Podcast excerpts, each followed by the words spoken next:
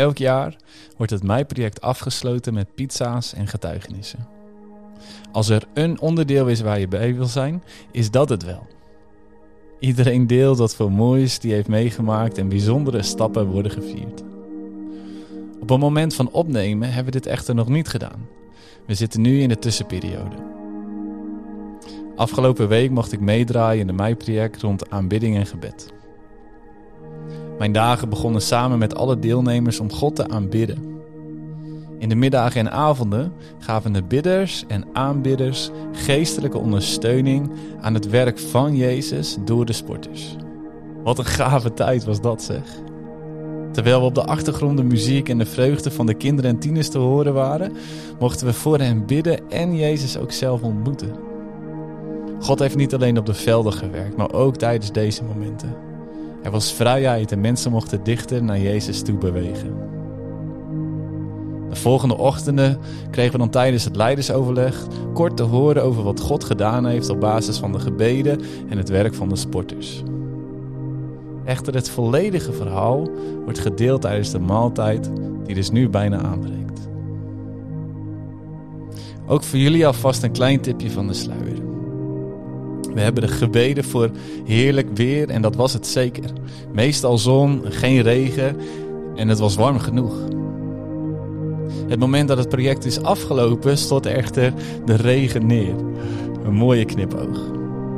Maar veel belangrijker nog, we mochten genezingen zien en meemaken dat kinderen en tieners hun leven aan Jezus hebben gegeven. Wat een wonder. Terwijl ik hier zo aan het wachten ben op de maaltijd en alle getuigenissen zo meteen ga horen, gaan mijn gedachten uit naar Lucas 10, vers 17 tot 20, waar het volgende staat. De zeventig zijn teruggekeerd met blijdschap en zeiden: Heere, zelfs de demonen zijn in uw naam aan ons onderworpen.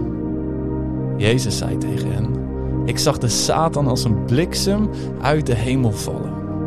Zie, ik geef u de macht om op slangen en schorpioenen te trappen en de macht over alle kracht van de vijand, en niets zal u schade toebrengen. Verblijd u echter niet daarover dat de geesten aan u onderworpen zijn, maar verblijdt u erover dat uw namen opgeschreven zijn in de hemel. Wat een verhalen moeten dat geweest zijn, zeg. Doodgewone mensen zoals jij en ik, die wonderen alleen door Jezus' handen hebben zien gebeuren, mogen zelf het land doorgaan om te genezen, te bevrijden en het koninkrijk te verkondigen. Wat een vertrouwen moeten ze in Jezus gehad hebben. Jezus droeg hen iets op in de trant van: Ik ben de zoon van God. Ik genees en bevrijd mensen. Maar nu mogen jullie het zelf doen. Ze hadden geen jarenlange scholing of een diploma die eerst behaald moest worden. Ga heen was eigenlijk de enige voorbereiding. En dan vervolgens niks meenemen en gaan. Wat een vertrouwen. En een vertrouwen dat niet beschaamd is. Want de woorden komen natuurlijk van Jezus. Uiteindelijk geeft Jezus deze opdracht ook aan ons en mogen wij het uitvoeren.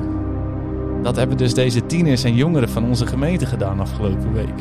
Ze hebben zieken de handen opgelegd, genezing gezien, vrijheid gebracht en bovenal het koninkrijk van Jezus verkondigd. Ook dit jaar hebben mensen hun leven aan Jezus overgegeven. Wat een feest. Maar Jezus' boodschap is echter: verblijd u erover dat uw namen opgeschreven zijn in de hemel. Jezus wijst u vooruit naar het moment dat het koninkrijk ten volle is aangebroken. Het moment van het bruiloftsmaal, waar alle getuigenissen ten volle gedeeld worden. Waar tot in eeuwigheid gevierd wordt dat Jezus de overwinning behaald heeft.